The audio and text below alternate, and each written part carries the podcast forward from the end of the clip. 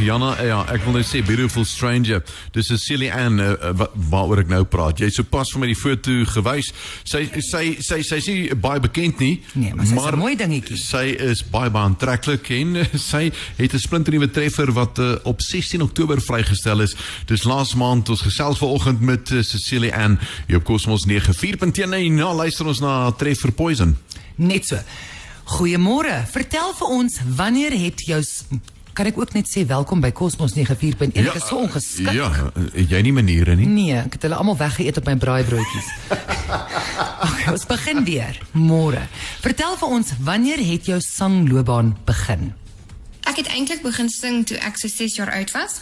Toe my ma hulle agtergekom het dat ek kan sing, het hulle laat ek en my baie talentvolle boeties in die kerk en sommer by ander gebeurtenisse begin sing. Maar meer amptelik het ek van 2012 af in 'n band, um backing vocals, viool en keyboard gespeel. En eers in 2017 het ek besluit om 'n solo loopbaan te volg.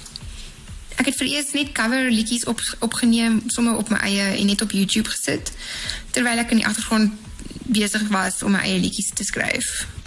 Vertel ons 'n bietjie meer van jou enkelsnit Poison. Poison is een van die eerste liedjies wat ek self geskryf en vervaardig het as 'n solo kunstenaar nadat ek voorheen net in 'n groepsverband geskryf het. Die lirieke en komposisie was my geneesmiddel eintlik gewees nadat ek uit 'n giftige interpersoonlike omgewing uitgekom het. Ek wil graag hê die luisteraars moet self hulle eie interpretasie van Poison skep, maar vir my vertel dit 'n storie van verraad, naïewe vertroue, mense wat 'n vals beeld van hulself skep en die nagevolge wat dit op, op 'n mens se geestesgesondheid kan hê. Ek hoor jou. Waarmee hou jy jouself besig as jy nie sing nie? As ek nie sing nie, gee ek musiekklasse om 'n ekstra geldjie te maak.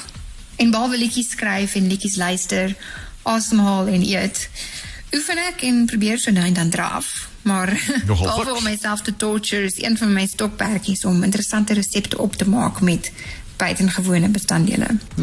En nou, die belangrikste vraag. Wanneer kom maak jy 'n draai in Namibië? Uh, Namibië is verseker een van die lande op my bucketlist vir wie ek graag sal wil kom kuier. So, na die vrystelling van my volle album aan die einde van volgende jaar, sien ek uit daarna om miskien Namibië op my toerlysie te sit as Namibië my sal wil hê. Wonderlik. Natuurlijk. Ja, natuurlik. Cecilie Ann volgende Cosmos 94.1. Jy het gehoor sy het gesê luister na die lirieke van Poison. Ja. Hier sy op Namibia se nommer 1.